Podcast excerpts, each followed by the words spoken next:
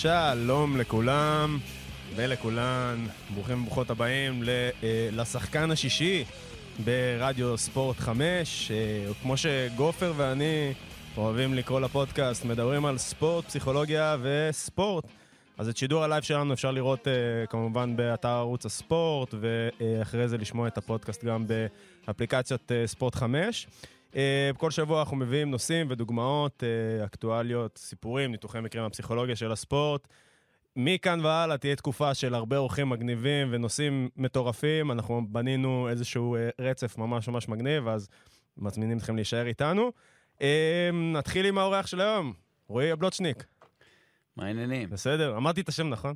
אתה, כן. זה פעם כן. שנייה כבר, אז... אה, כן, כן, נכון, נכון. אז uh, רועי, קולגה, חבר, אנחנו עובדים כבר תקופה ארוכה uh, כפסיכולוגים בקבוצות ספורט, מדברים כל הזמן על האתגרים שיש לנו uh, כפסיכולוגים ב- שנכנסים לכל מיני קבוצות וארגוני ספורט, גם באחד על אחד וגם בקבוצות בכלל. אמ, רועי התארח כבר אצלנו בפודקאסט שהקלטנו עוד ברדיו הבינתחומי, לפרק שדיברנו על הצבא. אה, בוא תציג את עצמך בכמה מילים. טוב, אז אה, אם התחלת עם הצבא, אז אי אפשר אה, לא להמשיך. אז כן, אז סיימתי שירות של 24 שנים, שברובו הגדול הייתי באמת לוחם, ולאחר מכן בית הספר לכושר קרבי, נחשפתי והתאהבתי שנית בספורט. שחקן אני כנראה לא אהיה, אז כן. בחרתי את הפינה השנייה יותר, שמבחינתי, את הדברים שאני יכול להביא מעבר ליכולת הכלייה הלא מוצלחת שלי. כן, אני חושב שגם אני הבנתי שאני לא אהיה שחקן ובגלל זה הלכתי לכיוון הזה, אבל uh, מצוין, אז אנחנו נדבר היום באמת בפודקאסט על uh, אתגרי פסיכולוג הספורט בקבוצה. Uh, יש הרבה, כתבנו הרבה מה להגיד וגם הכנו כל מיני תכנים. Uh, נתחיל קצת בסקירה uh, אקטואלית קצרה. Uh, אמרתי לך שאנחנו יכולים לעשות איזושהי סקירה. Uh, אז אני הבאתי את האירוע המשמעותי שלי מהשבוע, וזה כמובן הניצחון של ברצלונה, 4-0 על ריאל מדריד. איך אפשר לא לדבר על זה? כן, כן, כן. אתה, אפילו עוד שרק דיברנו, אמרת לי, טוב, אתה בטח הולך לדבר על זה, ואמרתי לך שנכון, זה מה שאני לא יכלתי להתעלם ממנו. אז אה, מעבר ל, ל, לניצחון פה של אה, ברצלונה על ריאל, שלא קרה כבר מ-2019, וזה היה לי נורא עצוב לשבת לראות בשלוש שנים האחרונות קלאסיקואים, אה, הסיפור של הניצחון של הקלאסיקו הזה הוא לא רק התוצאה, אלא התהליך אה, שברצלונה עוברת. עכשיו, מה שיפה לראות בארגונים, אתה ואני תמיד מדברים על זה שהסיבות הן לא תמיד פסיכולוגיות. קל לך לראות שחקן שלא מצליח ב- ב- במשחק כדורגל, או ספורטאי, ספורטאית ב- אה, ב- באתלטיקה שלא הולך להם, וישר להשליך את זה על אה, הנה, פסיכולוגי, זה פסיכולוגי. הנה, מנטלי, הוא, מנטלי. כן, זה מנטלי, מנטלי, הכל מנטלי. או לראות אותם פתאום עם פנים נפולות, והנה, תראה, אין לו אנרגיה בכלל, ובגלל זה הוא לא הצליח. אבל לא. אחד מה-ground rules, אחד מהדברים הראשונים שאנחנו לומדים כפסיכולוגים, זה שחבר'ה, קודם כל, לא הכל מנטלי, והבסיס של כל מה שאנחנו עושים פה הוא מקצועי. ובמקרה של ברצלונה, כמובן שזה דו-צדדי. לפני צ'אבי היה את קומן, לפני קומן היה את ולוורדה, קיקה סטיין, היה את... Uh, אה, ולוורדה, והיה פשוט מאז אה, בעצם 2015 עם לואיס אנריקה, אה, שעזב ב-2016, הקבוצה הייתה, פשוט איבדה את הזהות שלה מבחינה מקצועית, גם מבחינה פסיכולוגית. זאת אומרת, איך שחקנים מתנהגים, איזה שחקנים מביאים. תראה, אני, אני, אני חייב להגיד שלמאמן יש המון השפעה פסיכולוגית ומנטלית, נדבר על זה גם אחרי זה. לשחקנים שמביאים, וגם מאמנים בדרך כלל יודעים לבחור את השחקנים שמתאימים להם. נכון. לפעמים אני אומר שעכשיו שהחלפת מאמן, אבל השארת את השחקנים שהוא הביא, לא בטוח שהתוצאה תהיה שונה, כי הוא בנה את הקבוצה בצלמו ובדמותו. כן. זהו, אז באמת, אה, צ'אבי הגיע לברצלונה, אנחנו ניתן שוב את הדוגמאות שלו כשאנחנו נדבר קצת על האינטראקציה שלנו עם מאמנים. אבל אה, נתון מעניין היה שרונלד קומן התראיין ממש לאחרונה והתלונן על התנאים שהיו לו בברצלונה ואיך שהתייחסו אליו. כמובן, שוב, אנחנו מבינים שיש פה איזשהו משהו דו-סטרי. אמ, אבל רק שני שחקנים, אחד מהדברים שהתלונן עליהם זה שלא הביאו לו רכש. וכאילו הקבוצה ששיחקה, שבעצם הבקיעה את כל ארבעת השערים אתמול, היו, היו בה רק שני שחקנים של אה, קומן לא היה, וזה אובמיאנג ופראן טורס. שהם שני שחקנים משמעותיים כן. והכול, אבל זה לא שכל הקבוצה התחלפה בבת אחת והכל השתנה, אבל כן, הגיע לפה מאמן שמבין את ה-DNA של המועדון, גם כמאמן, גם כשחקן. צ'אבי, כשעוד שמעתי אותו מדבר שהוא היה מאמן באלסעד, כאילו, ועוד שהוא היה שחקן, ראית שהוא מבין אה, ושהוא רואה ויודע להסביר את הפילוסופיה של המועדון, אה, וגם יודע להעביר אותה הלאה. אז זה לא רק פסיכולוגי בברצלונה, זה בעיקר מקצועי. השחקנים בעיקר ידעו מה הם עושים על המגרש, כל אחד ידע מה התפקיד שלו.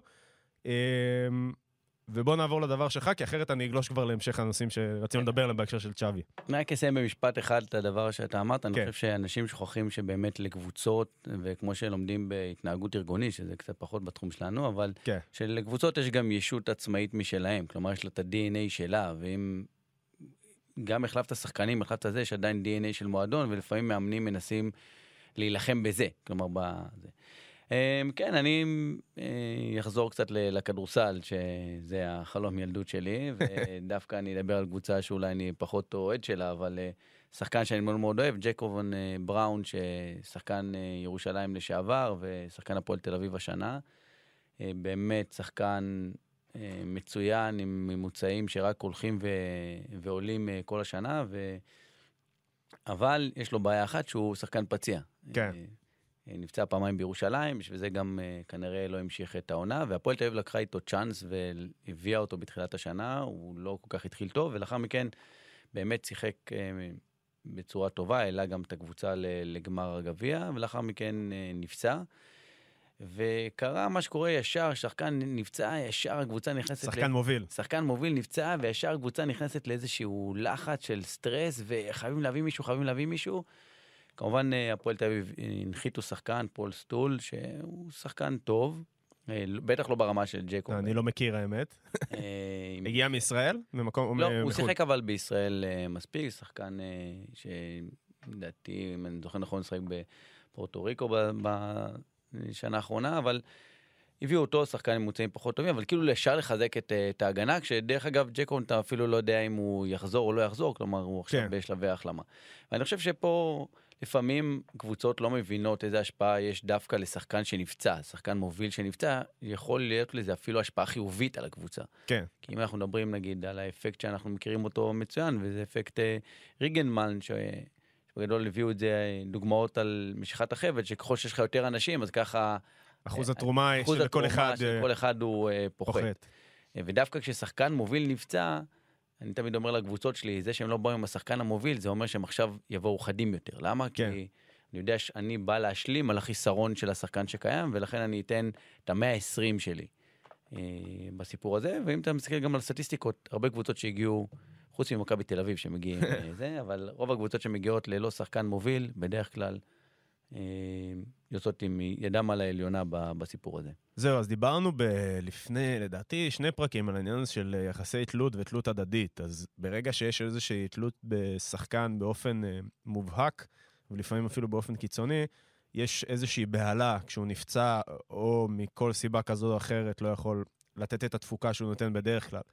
והמצב הבריא לארגונים, ואני שוב אתן קצת רמיזה לצ'אבי, דיברנו על זה, העניין ה...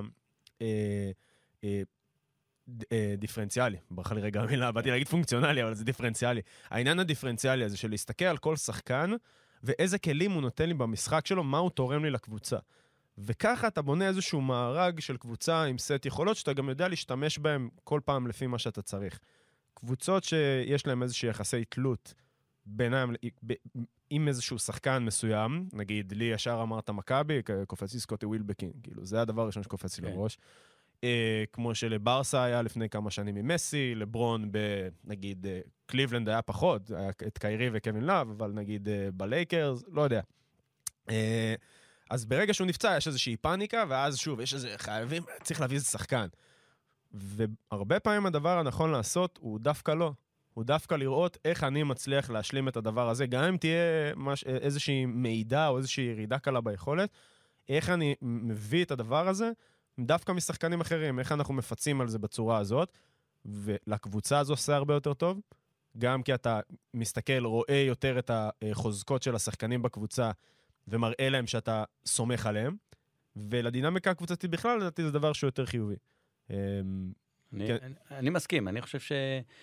שאחת הקבוצות צריכות לדעת לנשום. אנחנו תמיד גם אומרים לשחקנים, כן. קח אביא רגע, תנשום עד עשר, ובואו נקבל את ההחלטה שאנחנו רוצים לעשות. אני חושב שהרבה קבוצות נמצאות ממש כל הזמן בלחץ של, של הישגים, אני חושב שדיברתם על זה גם בפרקים הקודמים, על נושא של, אה, אנחנו נדבר על זה גם על מעמד המאמן, איפה הוא נמצא ומה מה הלחץ הגדול שלו, אבל דברים שנובעים מפאניקה, לדעתי, לא ייתנו את התוצאות שאתה מצפה, אה, ואתה גם לא תבחר את השחקנים הנכונים. כלומר, אה, אתה יכול להסתכל לדוגמה על קבוצה שאני יותר אוהב, הפועל ירושלים, שעשו כמה החלטות לא טובות בקיץ, תיקנו תוך כדי תנועה, אבל עם המון המון סובלנות. ולפעמים כן. אנשים לא חושבים על מה יקרה ביום ש... עכשיו, בוא נניח שג'ק וון בראון יחזור עוד שבועיים, שלוש לקראת הפלייאוף. מה אז אתה עושה? פתאום אתה מחזיר אותו, אתה מוציא אותו. בדיוק. אז uh, כן, אז אתה יודע, בדיוק דיברנו על זה, ואני חושב על זה שאשכרה כל קבוצה שאני עובד איתה, השנה, העונה הזאת, התמודדה עם פציעה של שחקן מוביל או משמעותי, או איזושהי יציאה של שחקן מוביל או משמעותי מהקבוצה, מסיבות כאלה ואחרות. וההתמודדות במחלקות נוער היא אחרת. אין לך את מי להביא. כן. אין לך את מי להביא. אתה יכול מקסימום להעלות איזה כוכב מהקבוצה מתחת, שיהיה לך איתך בכדורסל חריגיל או זה, אבל אין לך, אין לך איך להתמודד עם זה מעבר ללהבין, לעבוד עם מה שיש לך. ואז זה מאלץ אותך במרכאות, אלא, או יותר דוחף אותך באופן חיובי, להשתמש ולראות איך אתה דווקא מעצים את החבר'ה שמסביבך, ולא מנסה לסגור עכשיו עם איזה שחקן אחר. אני יכול להגיד לך דוגמה אחרונה מקבוצה שאני אה, עובד איתה ומוביל אותה, שהיה לנו משחק מאוד חשוב שבוע שעבר, והשחקנית אה, הכי טובה שלנו לא הייתה כי הייתה בנבחרת, והקבוצה שיחקה הרבה יותר טוב. אה, לעומת משחק קודם, שגם היה משחק מאוד מאוד קשה, מאוד עם המון המון לחץ, והשחקניות גם אומרות, אה, כשיש את השחקנית הזאת במגרש, אני מרגישה שזה כן. אצלה. וכשהיא לא נמצאת, אני יודעת שאני צריכה לתת קצת יותר, אז אני זורקת יותר לשער ואני זורקת את זה. עכשיו, תחשוב גם על הקבוצה השנייה, הקבוצה השנייה פחות מכירה את השחקן השישי-שביעי שלך, היא פחות מתכוננת אליו, היא מתכוננת כל הזמן לשחקן 1, 2, 3. כן. פחות מבינים את, ה, את שאר השחקנים, מה הם יכולים לתת ואיפה, איך הם יכולים להשפיע על המשחק. אמ, וקבוצה שהיא באמת בנויה כמו שצריך, אני מאמין שהיא גם תחזיק לאורך זמן. כלומר... כן. Uh, טוב, uh, אפשר לדבר על זה עוד הרבה, זה נושא מאוד מאוד מעניין, אבל בגדול, סבלנות. צריך סבלנות בספורט, זה קשה. שוב, אני רואה, אני רואה, אני רואה את זה בעיניים של אנשים שאני עובד איתם, שכשקורה דבר כזה, אתה... אבל לפעמים אנחנו לא יודעים מה שאנחנו לא יודעים. אנחנו לא יודעים איזה תפוקה פתאום שחקן אחר ייתן. אנחנו לא יודעים. אה, ובגלל זה חשוב לתת את הכלים לכולם ולראות אה, איך אנחנו מעצימים גם את כולם. אה, מעניין מאוד. בואו נעבור לנושא של הפרק, סגרנו פה את הפינה האקטואלית, ככה דברים שהיו טיפה יותר זה. התכנסנו כאן היום לדבר על תפקיד הפסיכולוג בקבוצת ספורט. בחרנו מקצוע שמצד אחד יש בו הרבה מאוד דברים מגניבים, מצד שני הוא מאוד מאוד מורכב, ומהרבה סיבות שאנחנו תכף אותם, נמנה אותן. Um, הרבה דברים אצלנו בעבודה נמצאים בתחומים אפורים, אנחנו לא בדיוק, יודע, אין א' או ב', אין נכון, לא נכון, אתה נמצא באיזשהו מצב שאתה כמו איזה מין גורם מתווך בין כמה גורמים, שאתה בסוף צריך uh, לגרום, לספק את כולם ולגרום לכולם להיות מרוצים.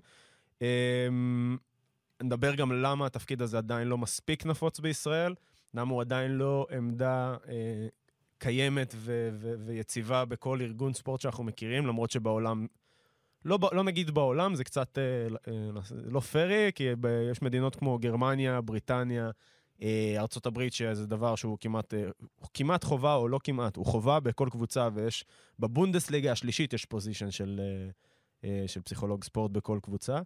אה, ונדבר גם קצת על איזה דברים אפשר לעשות כן עכשיו כדי לשנות את הגישה. אז uh, הדבר הראשון שנראה לי שאנחנו נדבר עליו זה מיקום פסיכולוג הספורט בקבוצה. אז אתה רוצה אולי טיפה לתאר את זה מהזווית שלך? אה, אני חושב שזו השאלה הגדולה, גם כשאנחנו מגיעים בדרך כלל למועדונים, אז uh, ככה, יש כמה אנשים שמאוד חוששים. אחד מהם זה בעיניי המאמן, שהוא קצת לא סגור מי אתה, מה אתה ואיפה אתה נכנס לו בצוות המקצועי. Uh, מנהל המועדון או אה, מנהל הקבוצה, נקרא לזה, לא מנהל כן. המועדון, מנהל הקבוצה שגם כן אה, ככה מרגיש לפעמים שאתה אה, נכנס לו לדברים, וכמובן יש את השחקנים, ואיפה אתה נכנס. אני חושב שדווקא ב... שככה, היה לי איזושהי אבולוציה כזאת במהלך הלימוד על איפה אני ואיך אני צריך להתמקם. כלומר, כן. בשלב הראשון מאוד ראיתי את עצמי כסוג של עוזר מאמן, או מתחת לככה למאמן, ועובד עם המאמן. מצד שני, כמו שאנחנו יודעים, לא תמיד, המאמן הוא בטח לא מי שמשלם לי את הכסף. כן, זה, זה האתגר המרכזי בעצם, אנחנו מגיעים למועדונים, לרוב אנחנו מגיעים דרך איזשהו גורם הנהלה, זאת אומרת, מה זה לרוב? גם אם הקישור למועדון היה דרך שחקן, מאמן, whatever, זה בדרך כלל לא קורה, אבל מי שבסוף מקבל אותך למועדון ומי שמשלם לך את המשכורת, הוא מישהו מהנהלת המועדון, זה יכול להיות מנכ"ל או מנהל, אה, יושב ראש האגודה.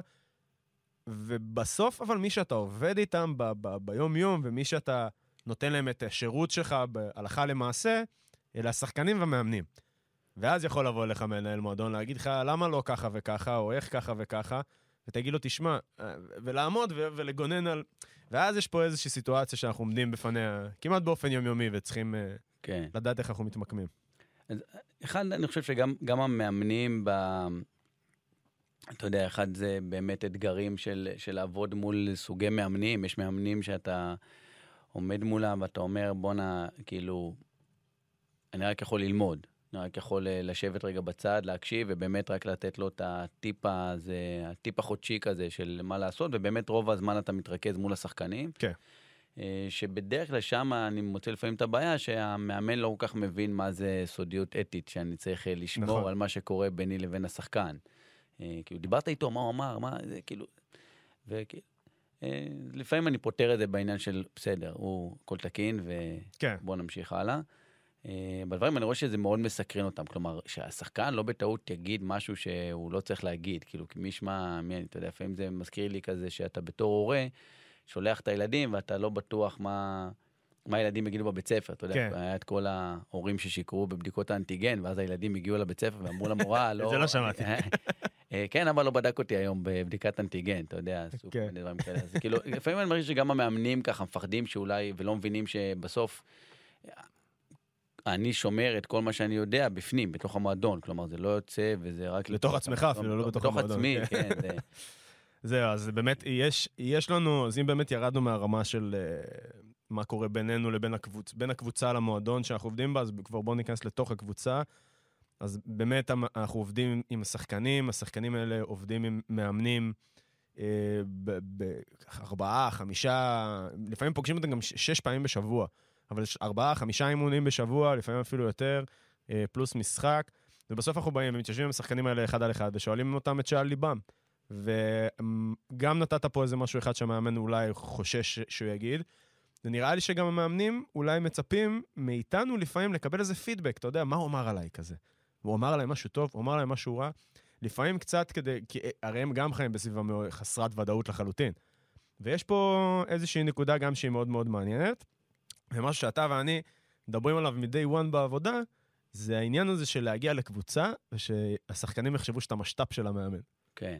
זה האתגר הכי גדול, כי בסוף הם רואים אותך עומד עם המאמן בצד, נגיד, באימון, המאמן מתייעץ איתך, מדברים קצת זה, ושנייה אחרי זה אתה יושב איתו באחד על אחד בחדר, אז ההעסקה, כאילו, המסקנה המרכזית, המסקנה המיידית יכולה להיות...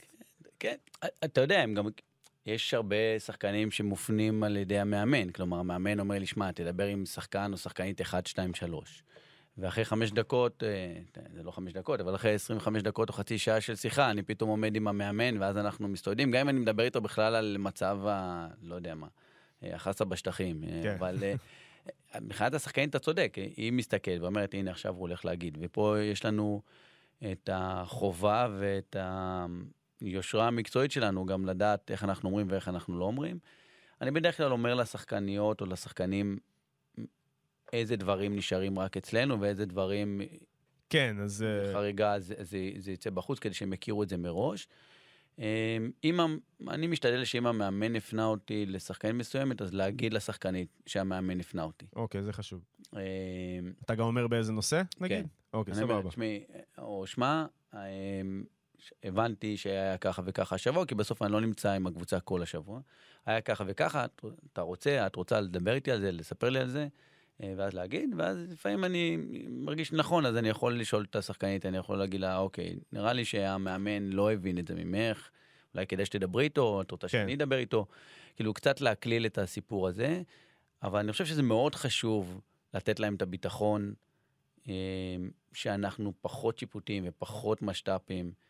אה, של המאמן, כי אחרת מאוד קשה להם להיפתח, בטח בגילאים היותר מבוגרים שאנחנו מכירים, לא מדבר על גילאים של ילדים קטנים יותר, ששם אין הרבה הגנות, אבל כשאתה יותר מבוגר זה קצת יותר קשה, ודווקא אני בזמן האחרון מוצא שהם מאוד נהנים מהזמן הזה שיש לנו. כן. כאילו לדבר.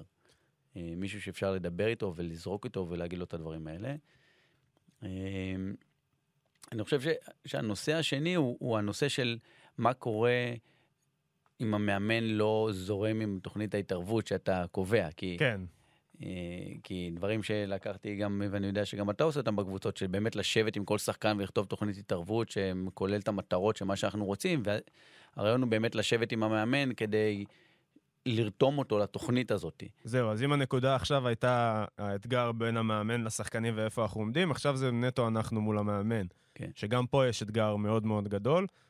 אה, מאמני ספורט, אני חושב שכל המאמנים שאני עובד איתם אה, בתחום למעלה מעשור, כן, אני חושב למעלה מעשור, כולם ככלל, כולם, כולם אה, אה, גדלו במועדונים שבהם, אליהם הגעתי. אתה מגיע פסיכולוג לקבוצה, לארגון, הוא נמצא שם עשור, הוא גדל שם, זה, התפתח שם הכל, פתאום אתה אומר לו, יאללה, בוא נעשה ככה. אוקיי, דיברתי עם השחקנים, אני רוצה אתגר. אנחנו יודעים, באים עם ידע מקצועי, ניסיון, רוצים לבוא ולעשות עבודה שהיא מעבר ל... בסוף לייצר איזושהי תוכנית. אנחנו רוצים, כמו שאנחנו רוצים, שמגדירים מטרות מבחינה מקצועית, ואיזה סקילס אנחנו רוצים של הספורטאים יהיה כשהם מסיימים את השנה, ואיך אנחנו רואים את ההתפתחות המקצועית שלהם כשחקנים. גם מבחינה פסיכולוגית אנחנו מבינים שיש דרך לעשות עם השחקנים, ללמד אותם כלים מסוימים, ללמד אותם תכנים מסוימים, לתרגל אותם על דברים ספציפיים, ואז אנחנו באים ומציעים את זה למאמנים, ופה יכול להיות אתגר מאוד מאוד גדול. אמ, נכון, אמ, אנחנו מדברים על זה הרבה, אני ואתה, על תסכולים שיש לנו, כן. שזה, וגם, דרך אגב, גם אם הצלחת לרתום אותו, ואתה יודע, אנחנו- אני משתדל לא לתת אה, מטרות, נגיד, אה, טכניות או מטרות פיזיות, נגיד שזה לא, כאילו לא התחום שלנו. אה, ואני די מנסה לנתח למאמן, נגיד דוגמה, למה השחקן לא הצליח להבקיע את הגול הזה. אז האם זה באמת יושב על משהו מנטלי או נפשי, או שזה באמת יושב על משהו פיזי, שהוא פשוט לא, או משהו טכני, שהוא לא יודע, אין לו מספיק כוח ברגל, הוא לא יודע כן. להכניס את הכדור. אה, ואז לנסות לזרום איתו כדי שהוא ייתן את המטרות, ולפעמים גם אחרי שהוא ישב, והוא נתן את המטרות, אתה מגיע אחרי זה לאימון, ואתה רואה שכל מה שקבעתם, כאילו שהולכים לעשות עם אותו שחקן כדי לשפר, לא קורה. כן, כי המאמן נשאר בזה שלו, אה, וזה לפעמים מאוד מאוד מתסכל. אני חושב, אה, זה- נגיד, אני יכול להגיד שבחלק מהמקומות זה לפעמים מביא אותי לסוג של חיכוך. אה, כן. עם המאמן, חיכוך רציני של, של, שמע, זה בסוף לא, לא יעבוד. כן. כלומר, זה לא יעבוד. אתה יכול להגיד כל היום של זה, ו, וגם את הדברים המנטליים. אם אני עכשיו חושב ששחקן, ודיברנו על זה, אני ואתה המון, המסוגלות האישית וכל נושא הביטחון האישי של השחקן, שאנחנו רוצים טיפה להעלות, לא משנה מה אני אגיד, אם בסוף המאמן יגיד לו שמילה שלילית, זה נגמר הסיפור. זה, גם אם עכשיו עבדתי איתו חודש שלם על אה, לספר לו שהוא השחקן הכי טוב שיש. כן, והוא השחקן מתחיל להאמין בזה, ואני מראה לו סרטונים כמה הוא טוב, כמה הוא טוב, כמה הוא טוב, מספיק שהמאמן יגיד לו בפעם אחת, אתה לא קלעי גדול. כן. זהו, אז אנחנו... אז באמת, אם יש את, ה... את הציר או את התחום היומיומי, עניין ה... מה קורה, מה נשמע כאן ועכשיו, וטיפול בדברים שעולים, אה, יש באמת את עניין התכנון, והוא יכול להיות, אה, יכול לפעמים להיכנס למאמנים בין הרגליים, וזה יכול להיות מאוד מאוד קשה. אה, אנחנו צריכים לזכור בסוף, ואני כל פעם מזכיר את זה לעצמי, שבסוף אנחנו נותני שירות. כפסיכולוג אתה נותן שירות. מה זה אומר? זה אומר שאתה לא מקבל החלטות בקבוצה. אתה יכול לתכנן תכנונים ולנסות להתאים, אבל בסוף הלקוח, במרכאות, שזה המאמן, צריך לדעת, הוא צריך לקחת את זה ולרצות ליישם את זה. ויש המון המון אתגרים. אה, פתאום מגיע איזה משחק חשוב, איזה משחק גביע, נוקאוט או דברים כאלה, ויכול להיות שהוא יגיד לך, לא, עכשיו הדברים האלה לא מעניינים אותי, יש לי חצי גמר גביע, עזוב אותי מהתוכנית הזאת, אני רוצה עכשיו שתתמקד בלראות שכולם בסדר. אה, וגם במקרים האלה אנחנו צריכים אה, אה, לדעת להתגמש. אה, אנחנו לא סתם מזכירים פה הרבה את המאמנים, כי אנחנו מבינים שהם נקודת מפתח. זאת אומרת, אתה גם נתת את הדוגמה, אם מאמן עכשיו, אה, אני חושב פתאום, אנחנו מדברים על זה, קפצה לי באר שבע לראש. שרוני לוי, שגם שמעתי את אלונה ברקת מדברת על למה רוני לוי עזב, זה, ממה שאני מבין, זה לא היה רק סיבה מקצועית, או בעיקר, זאת אומרת, עיקר הסיבה לא הייתה מקצועית, אלא היה פה עניין בגישה שלא התאימה לציפיות של המועדון. אה, רוני לוי בהרבה ראיונות אה, דיבר בצורה שהיא קצת, אה, אני זוכר את זה, אני אפילו חושב שדיברתי על זה בפודקאסט, שהוא אמר משהו כמו, מה אתם רוצים, שאני אכנס למגרש ואעשה לחץ? ויש פה איזשהו משהו שמעיד על איזשהו חוסר אמון בשחקנים, שקשה מאוד להרים שחקן ולנהל אותו ככה, כש, כשזאת הגישה שלך. עכשיו, אני לא אומר שרוני לוי לא מאמן טוב, אני לא אומר זה, כבודו במקומו. אבל כשאנחנו אה, רוצים לעשות התערבות מוצלחת בקבוצות, זה חלק מהעניין. אנחנו צריכים לעזור למאמן להבין שיש דרך. באמת בקבוצות בוגרים זה קצת יותר קשה, אה, אנחנו נדבר גם אחרי זה למה אין בקבוצות בוגרים, אז אולי זו אחת הסיבות, בגלל שזו כל כך, המצב שם כל כך מלחיץ ומטורף, ש... אתה יודע, הכל, הכל דחוף, כל משחק הוא חשוב, כל משחק הוא לחוץ. אה, אבל גם פה צריך להבין איך מתווים דרך, והמאמנים... הם בסוף הגורם המרכזי, כי המאמן הוא זה שנותן להראות את השחקן. מספיק שבטונציה של הדיבור שלו היא תהיה טיפה שלילית, טיפה סרקסטית, טיפה נגטיבית, טיפה חסרת אמונה, יכול להיות שהשחקן זה מה שהוא יקבל, יכול להיות שהוא גם יגיב ככה בצורה הזאת, ויגיד לו, מה אתה רוצה ממני? מה אתה רוצה שאני אעשה? Uh, ושוב אני נזרק לצ'אבי, שהוא בדיוק הפוך, כי אני חושב עכשיו על קומן ועל צ'אבי. קומן תמיד היה חמוץ, תמיד היה אמר, אנחנו עובדים עם מה שיש לנו וצריכים להיות ריאליים ובלה בלה בלה, ובגלל זה גם לפורטר רצה להעיף אותו. אה, ואז אה, מגיע לך צ'אבי שאומר לך, לא, חבר'ה, אוקיי, זו שיטת העבודה שלי, מי שלא רוצה לא יהיה כאן, ושיטת העבודה שלי היא ברצלונה, ואנחנו עושים לחץ, ואתם לא התאמנתם עד עכשיו, אז אתם תתאמנו יותר, וישר פרסם את עשרת הדיברות ביום שהוא הגיע, אה, והשחקנים מגיעים שעתיים לפני האימון, ולא מאחרים כמו דמבלה ברבע שעה לכל אימון. אז אנחנו מבינים שהמאמן הוא המפתח. זה לא משנה מה המנכ"ל יגיד, מה המנהל יגיד, מה הפסיכולוג יגיד לשחקן, בסוף את ההוראות הוא מקבל מהמאמן, ואת הפידבק לטוב מאוד, או איזה גרוע אתה, הוא מקבל מהמאמן. גם אל תשכח שהמאמן בסוף מחליט מי ייכנס למגרש. כן? נכון. יש כל מיני דברים חדשים שאני שומע בזמן האחרון, ששחקנים כבר, אה, גם בגילי הנוער, כבר חותמים המאמן לכמה דקות הם יקבלו במגרש. כלומר, שהם חותמים בקבוצה, סליחה. כן. אה, אני חושב שהמקרה האחרון המפורסם היה עומרי כספי במכבי תל אביב, שגם כן היה איזה סיפור כזה ש... אה, כשהוא היה צעיר, שזה מה שהוא... אה, לא עכשיו שהוא חזר. לא, שזה כשהוא היה צעיר, לא שבשביל שהוא יהיה במכבי תל אביב הוא צריך לחתום על שעות, אבל... אה, אני אומר, אחד, אני באמת חושב שהמאמן, כמו שאתה אומר, הוא דמות המפתח, אני חושב שהאמון איתו אה, זה אחד הדברים הכי חשובים שאני עובד איתו, עובד על זה הרבה.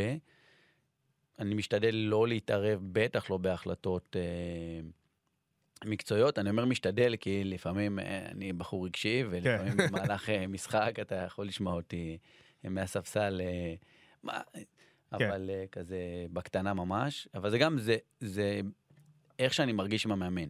כלומר, אם אני מרגיש עם המאמן שבאמת יש לי את המקום הזה, שהוא ישמח לשמוע את מה שאני רוצה, אז אני אגיד לו, ואם הוא יתייעץ איתי, אז בכלל, כמובן אני אדבר, ואם לא, אז רק שיבואו ונדבר. אני משתדל גם בקבוצות לעשות איזו ישיבת צוות כזאת פעם בחודש, שכן להיות שם, ששם זה כאילו מקום קצת יותר פתוח. כן. ושם אפשר לדבר על הכל.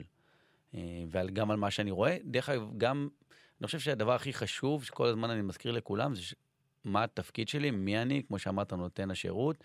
ואני חושב שבכלל בקבוצות, כל, אחד, כל עוד אתה יודע, שמעתי את זה משיחה שהייתה לי עם אה, גיא הראל, מנכ"ל אה, הפועל ירושלים. וזה משהו שלוקח אותי לכל מקום, גם, גם בעולם הצבאי שככה עבדתי. אם כל אחד זוכר מה התפקיד שלו ומה הם גבולות הגזרה שלו במועדון, הוא יכול לדבר על הכל.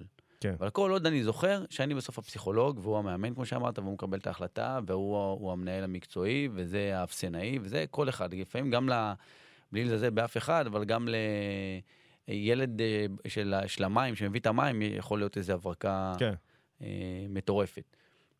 אבל כל עוד כל אחד זוכר מה, מה התפקיד שלו בסוף אה, במועדון. אז uh, העסק יכול לעבוד uh, בצורה טובה. Uh, בנוער זה קצת יותר פשוט. כן, בנוער זה קצת, אמרנו, הדברים קצת יותר ברורים. לא צריך להביא דברים, כאילו הכל, הכל כבר קיים ועובדים עם מה שיש. טוב, נעבור ל... אנחנו עוברים לנושא הבא. למה אין פסיכולוגים של הספורט בהרבה קבוצות ספורט בכירות בישראל? ודווקא נתנו פה שני ציטוטים, שנינו חשבנו מיד על שני ציטוטים של שני אנשים שאנחנו מאוד מאוד מעריכים בספורט, שטיפה מסמלים את הדבר הזה. אז הראשון זה עודד קאטה שאמר, אני הפסיכולוג של הקבוצה, שחקנים ידברו איתי. ושחקנים מדברים איתו. ושחקנים מדברים איתו, לא, לא, אני, אני אומר את זה כ, כאיזשהו... אנחנו, אנחנו מציגים פה את המצב, שוב, אני מעריך מאוד את עודד קאטה, שגם שמעתי אותו מדבר לא מעט, אני מאוד מעריך את הגישה שלו.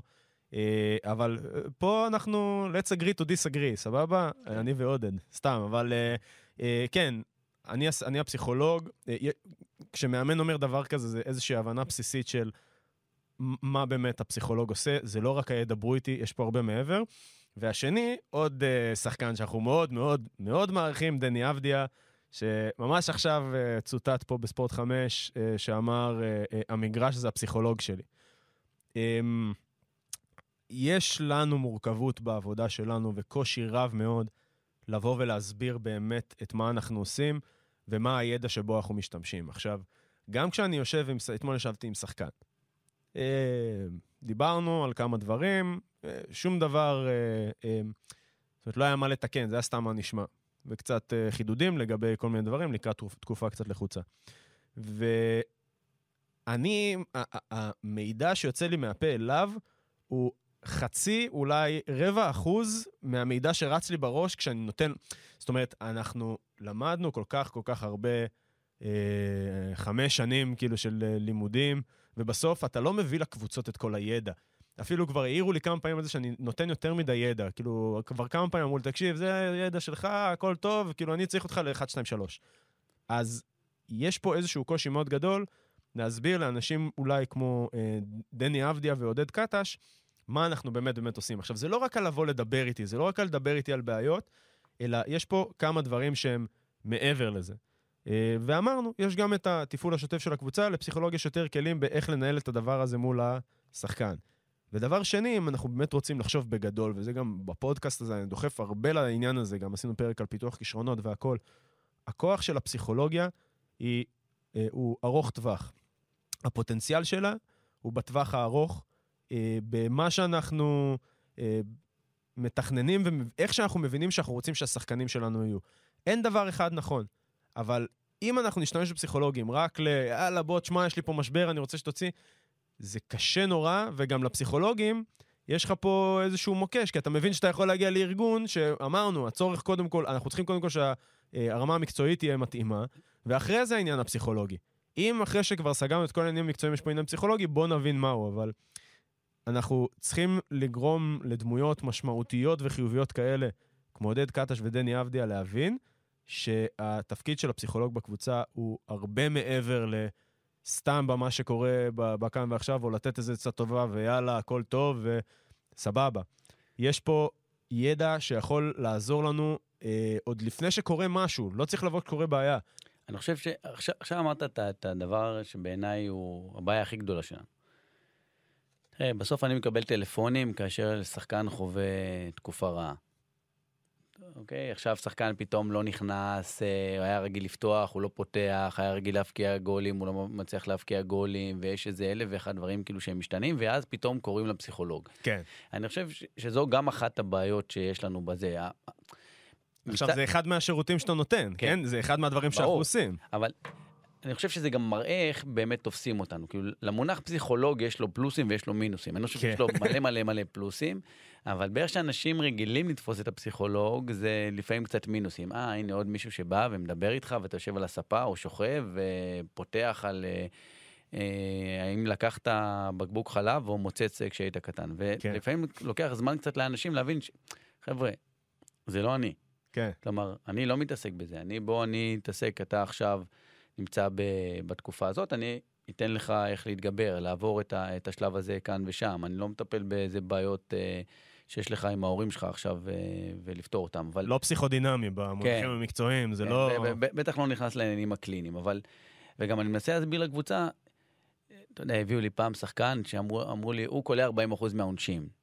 אמרתי, אוקיי, אתם רוצים שהוא יקלע 45? זה אני יודע לעשות. אתם רוצים שהוא יקלע 90? זה כאילו, קחו אותו למאמן אה, קליעה ותביאו לי אותו כש... כן. מי, מי קבע ש... אתה יודע, קח את שקיל אוניל, אתה לא יכול להגיד שזה בעיה מנטלית, כן? כן. בן אדם לא יודע לזרוק עונשין, מה לעשות? עכשיו, או שהוא יחליף זריקה, יזרוק כמו אה, וואנקו מבני הרצליה, או ש... כאילו, תמצאו רגע פתרון טכני שיש, כי כמו שאמרת בהתחלה, לא הכל, לא הכל הוא בראש. נכון. כלומר, לא הכל נמצא שם. אה, וה- והדבר האחרון, שאני חושב שקשה לאנשים מאוד לראות את התרומה המיידית שלך אה, למה שאנחנו עושים, ואמרת את זה לעבודה ארוכה, אבל גם בדברים כמותיים. תראה, כשאתה לוקח מאמן כושר, ואני עכשיו, נגיד, רץ 10 קילומטר ב-42 דקות, כן? אה, כשהייתי בן 16. ו- ו- ועכשיו אני בא ואומר, לקחתי מאמן כושר, ואני רואה שאחרי שבועיים, שלוש, ארבע, אני פתאום עושה 41, אני מרגיש, וואו, כן. כאילו השתפר. קשה לאנשים חיצוניים לראות מה אני תרמתי כרגע ל- לשחקן. ש- דרך אגב, אני גם לא, אני לא נגד זה, כי אני טוען שבסוף אנחנו במכלול. כלומר, אני פתרתי בעיה אחת, אבל אני צריך שגם המאמן יעזור לבעיה שנייה. וגם כמו שאמרנו, בסוף אני יכול לעשות אחלה עבודה עם אותו שחקן. כן. אבל יש כל כך הרבה אנשים שיכולים להרוס לי בדרך, כאילו, את כל מה שעשיתי עם השחקן הזה. וזה זה קצת שונה, נגיד, מפיזיותרפיסט שטיפל לך עכשיו בדלקת, זה קצת שונה ממאמן כושר שעכשיו אה, חיזק אותך בחדר כושר, הדברים האלה לא נעלמים מהר. אצלי זה יכול להיעלם ברגע שעכשיו אה, מאמן או בעל תפקיד אה, התקשרותי או חשוב לאותו שחקן, יגיד לו מילה לא במקום. ובום, כל העבודה של החודש שעבדתי איתו נהרסת.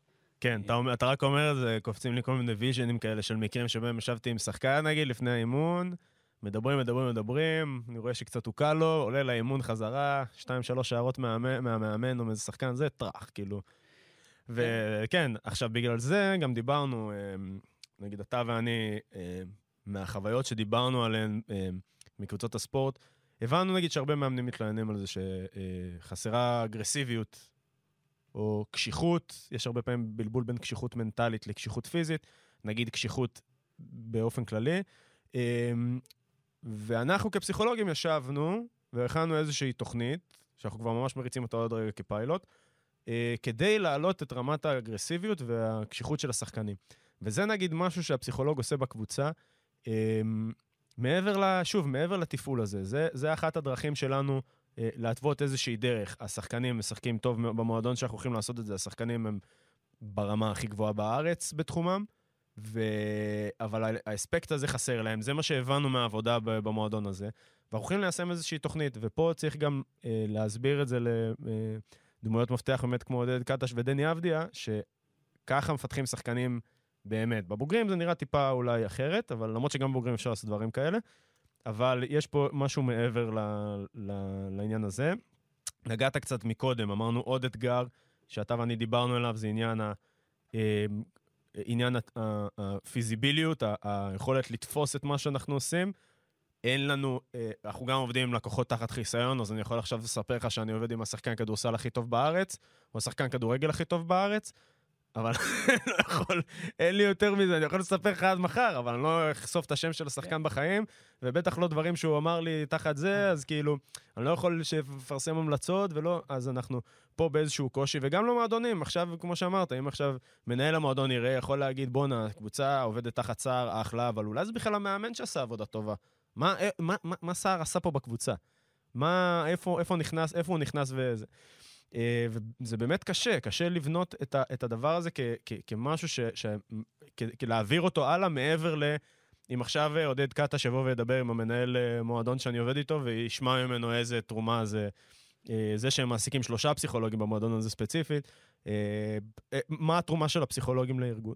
אה, ואז אה, ארגונים מתקשים להקצות לזה משאבים, כי אתה, שוב, אתה לא, כמו שאמרת, אם הבאתי מאמן שיעבוד עם הקבוצה על הניטור, וכולם מנטרים עכשיו ב-20 סנטימטר יותר, הגזמה פראית, אבל 20 סנטימטר יותר, תקשיבו, מאמן ניתור טוב. תראה איזה מאמן ניתור. אבל אה, בסוף לפסיכולוג, איך, איך אתה אומד את זה? והיכולת שלנו לאמוד את זה היא רק בכלים שלנו, שזה שאלונים. כן, אה, ששאלונים או- זה כלי tricky. זה tricky, כי גם... תראה, כי אנחנו באים מהאקדמיה, אז אתה אוטומטית, אה, בחלק מהדברים, אתה מאמין, אתה, יודע, חלק מהמחקרים מבוססים על שאלונים, אז אתה אומר, סבבה, אני יודע שלשאלון הזה יש תיקוף חבל על הזמן, כי גרש, פרופסור גרשון טננבאום כן. אה, תיקף אותו וכולי וכולי, אז אני מאוד מאמין בזה, אבל בסוף בא המאמן ויגיד לך, טוב, מה, זה שאלת את השחקן כשהוא כנראה היה עצוב, אז הוא ענה את התשובה הזאת, כאילו, דברים אה, יכולים לבטל אותם אה, בעניינים האלה. אני חושב שלאט לאט אנחנו מצליחים כן אה, גם ליצור את, ה... את, את העניין של מה אנחנו מצליחים להביא. אה, ואיך הדבר הזה נראה. אנחנו גם צריכים טיפה לדברר לפעמים חלק מהדברים שעשינו בקבוצה, והנה בוא תראה, אני חושב שמה שדיברת על פרויקט האגרסיביות זה באמת סוג של דברור, כאילו תראה, כן. הנה בעיניים, הנה בוא... מזהים איזשהו צורך שצריך כן. להשלים אותו, ואז אנחנו נכנסים שם. אה, כן, זה היה חשוב בעיקר להדגיש את זה כדי להראות שאנחנו לא רק עומדים ועובד- ועובדים כאילו מהדברים שרצים לנו מול העיניים, אלא כל הזמן יש חשיבה קדימה על איך אנחנו מפתחים את הדבר הזה.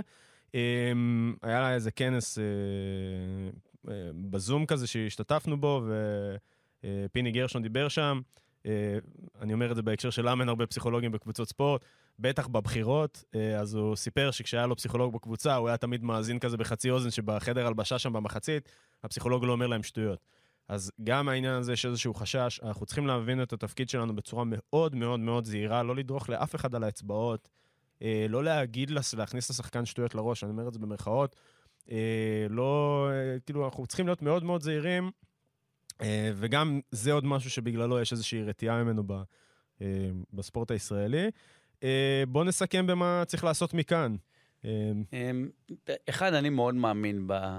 אה, כמובן במקצוע, ואני מאוד מאמין גם בלעבוד עם הנוער. בהתחלה מאוד מאוד רצתי לקבוצה בוגרת, אתה מכיר את זה כן. גם, וחיפשנו קבוצות בוגרות להיכנס אליהן, ובשנים האחרונות אני מאוד מרוצה מזה שדווקא אנחנו מתחילים בנוער, והשנה גם יש לי קבוצה של ילדים, אה, שבכלל שם אני רואה כמה הדבר הזה הוא חשוב. אני חושב שהוא חשוב בכמה דברים. אחד, בלנסות ללוות אותם ולבנות איתם תהליך מסוים ולזהות את הילדים שהם late bloomer לדוגמה, ואיך אנחנו מפתחים אותם הלאה ומה אנחנו עושים איתם. לפעמים לדבר עם המאמנים על שיטות אימון, אה, דיברת על אה, צ'אבי, על האימון הדיפרנציאלי, ואז אנחנו יודעים, כי שנינו גם מאזינים הרבה לרוב גריי, אבל ששיטות האימון לפעמים נשארות ממש מקובעות, כלומר, כאילו, repetition, repetition, repetition זה השיטה הכי אה, כן. עתיקה וגבוהה, שכאילו אם תחזור על אותו דבר כמה וכמה פעמים, אתה תצליח. אני, גם בצבא הצלחתי לזהות שברגע שלא תמיד זה עובד, כלומר, אם השחקן לא מצליח להבין את התנועה, זה, הוא גורר את הטעות הזאת לאורך כל, ה, לאורך כל החיים שלו. כן. אה, ואז גם הוא יכול אה, להיעצר. אני חושב שהדבר הזה, אה, משהו שאנחנו כפסיכולוגים גם יודעים לה- להתחיל ולהכניס את זה, וללוות את השחקנים הצעירים. אה, אני חושב שאם, ואין סובלנות בספורט הישראלי, אבל אם תהיה סובלנות בספורט הישראלי, אז צריך גם להבין שגם פסיכולוג ספורט אה, זה משהו שצריך לתת לו קצת זמן ולתת לו קצת צ'אנס ולהיכנס. יש דברים שאתה יכול לראות אותם בשניות הראשונות ברגע שאנחנו מגיעים לקבוצה, ויש דברים שאתה תראה אותם אחרי חודשיים-שלוש. אני יכול להגיד לך שיש לי קבוצה שאני עובד איתה כבר שלושה-ארבעה חודשים, והשלושה חודשים הראשונים היו, לא, לא היה שינוי. כלומר, כן. מהרגע שאני נכנסתי. בחודש האחרון יש, יש קצת שינוי. להגיד לך שהוא רק בגללי? לא. אה, אבל בכניסה שלי גם עשתה איזשהו משהו שם של, של המאמן שינה טיפה גישה, והשחקנים כך קצת הבינו קצת יותר, וההבנה באמת מה מפריע לכל אחד. יש uh, תיאוריה בפסיכולוגיה של הספורט שמתייחסת לזה שלאנשים יותר קל uh, לייחס uh, uh, uh, משמעויות, uh, נגיד, על התנהגות שלילית לבן אדם, לא, לאישיות שלו ולא לסיטואציה. וזה מעיד על זה, זה אומר שאם עכשיו uh, שחקן, uh, לא יודע מה, מאחר קבוע לאימונים או לא רץ על המגרש, זה בגלל שהוא עצלן ולא בגלל שאני כמאמן uh, מוריד לו את המוטיבציה. סתם נותן דוגמה. Um, וגם בהקשר של קבוצות, uh, הנטייה היא להסתכל עליהן כאיזשהו משתנה קבוע. עכשיו, הסיבה שאנשים עושים את זה, כי כשאתה צריך מסתכל על זה, אה, מייחס את זה לסיטואציה, אז סיטואציה אפשר לשנות, וזה אומר שיש לי אחריות בלשנות את המצב. ואם אני מייחס את זה לגורם אישיות, וזה בגלל שהוא עצלן או שהקבוצה הזאת גרועה, אז אין, זהו, הקבוצה גרועה, אין לנו מה לעשות, וכאילו, די. כן. עכשיו, אמ, אני דרך אומר... אגב, זה, זה, זה בדיוק מה ש... פעם, לא שאני זה, אבל זה בדיוק מה שרוני לוי אמר. מה רציתם, שאני אכנס ואעשה לחץ? זהו. כאילו, השחקנים הם אשמים, אבל כאילו, אולי כן. השיטה או המשימות שנתת לשחקנים לא נכון. מתאים לשחקנים עצמם. כאילו, בוא תזהה אותם ותראה איך הדברים האלה עובדים. זה מתקשר גם לשני הדברים האחרים שאמרנו, שלפעמים זה גם מה שהפחד של המאמן, כי לפעמים אנחנו יודעים לזהות מה באמת הבעיה. כן. ולא תמיד הוא ירצה להתעסק איתה. נכון, זה גם, זה גם חשוב מאוד להגיד. התחלתי לתאר את זה מקודם, רציתי להגיד שגם קבוצות ספורט מתפתחות. זאת אומרת, אנחנו מסתכלים על קבוצה, לא רק מבחינת אנשים שבאים והולכים, יש משהו בקשר הבין אישי שמצטבר לקשר קבוצתי, מה שקוראים לו כימיה קבוצתית. ראיתי שדסקל העלה על זה איזשהו, איזושהי כתבה על העניין של כימיה קבוצתית והחשיבות שלה יותר מאשר הכישרון. וזה עניין שהוא מתפתח, ואנחנו צריכים להבין את זה בהקשר הזה שגם כשפסיכולוג נמצא עם קבוצה, יש איזושהי התפתחות קודם כל ההתפתחות הטבעית של הקבוצה, כחלק מהגיבוש של השחקנים, הזמן שמעבירים ביחד, האתגרים שמשתנים להם, תקופות בעונה, אה, אנשי צוות שבאים והולכים. אה, וצריך לייצר איזשהו תהליך מתוכנן עם אה, קבוצות שאנחנו, שרוצים להצליח איתן. עכשיו, רוצים להצליח איתן, גם שאנחנו בונים עליהן שיצליחו בעתיד, אז אם אנחנו רוצים להשתמש בפסיכולוג בצורה הטובה ביותר, אמרת, יש חשיבות לפסיכולוג בקבוצות בוגרות. יש לזה חשיבות עצומה, לדעתי זה יכול להוריד המון לחץ מהמאמן ולעזור לו להתעסק עם דברים שהפתרון שלהם לא נמצא רק, ב, אה, רק באימון או במי משחק וכולי. אבל המשמעות האמיתית, או הפוטנציאל הגבוה ביותר נמצא בלהכניס פסיכולוגים ל, אה, למחלקות נוער, לקחת את הקבוצות, אפילו לא את הקבוצות נוער, חבר'ה שבכיתה ח', ט', ולהתחיל לתת להם אה, לעבוד עם מאמן אחד ופסיכולוג אחד במשך שנתיים-שלוש, להבנות איתם מסלול כזה שבו הם הולכים כדי להתפתח אה, בצורה המיטיבה ביותר. עכשיו, זה לא אומר שהם יהיו הקבוצה הכי טובה בארץ, אבל זה כן אומר שאנחנו מקנים להם את הכלים ואת המעטפת הטובה ביותר, אה, וגם בונים אותם פסיכולוגית להיות השחקנים שאנחנו רוצים שהם יהיו, שוב, מבחינת הפרופיל הפסיכולוגי, וזה גם יעזור מאוד למאמן הרי הרבה מהדברים שאנחנו עושים זה, זה בכלל בדיוק בתקשורת בין המאמן לשחקנים.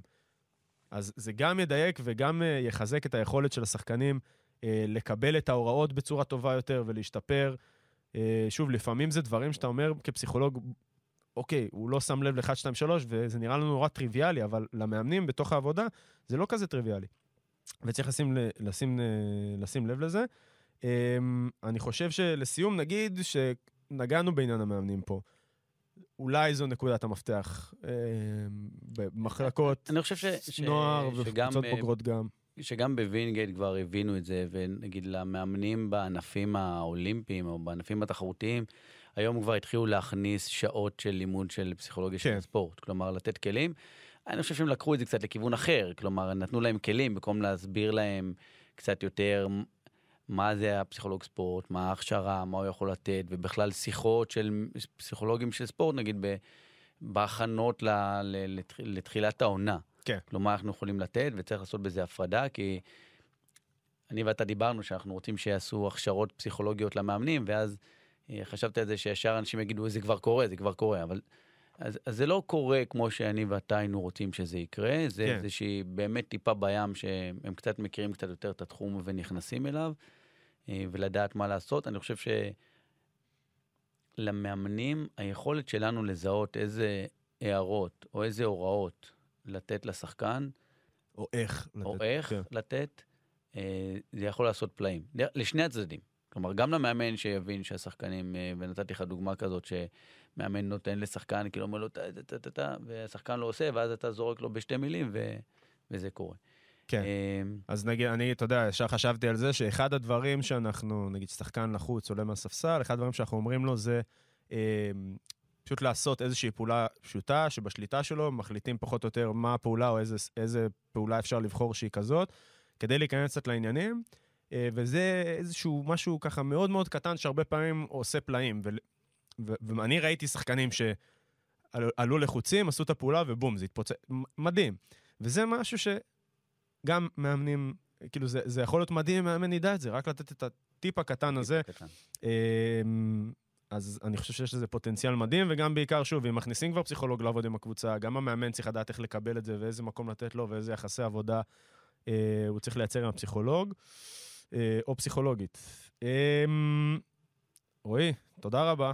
היה מעניין מאוד. כיף גדול. אה, אני אגיד שאתם מוזמנים ומוזמנות להאזין אה, גם לפודקאסטים אה, נוספים באפליקציית חמש רדיו. אה, נראה לי שאחרינו אין עוד איזה מישהו שמקליט, אבל יש לכם כמה פודקאסטים שאתם רוצים שם, והרבה מה לשמוע. תודה רבה לכם, ואנחנו נתראה בשבוע הבא.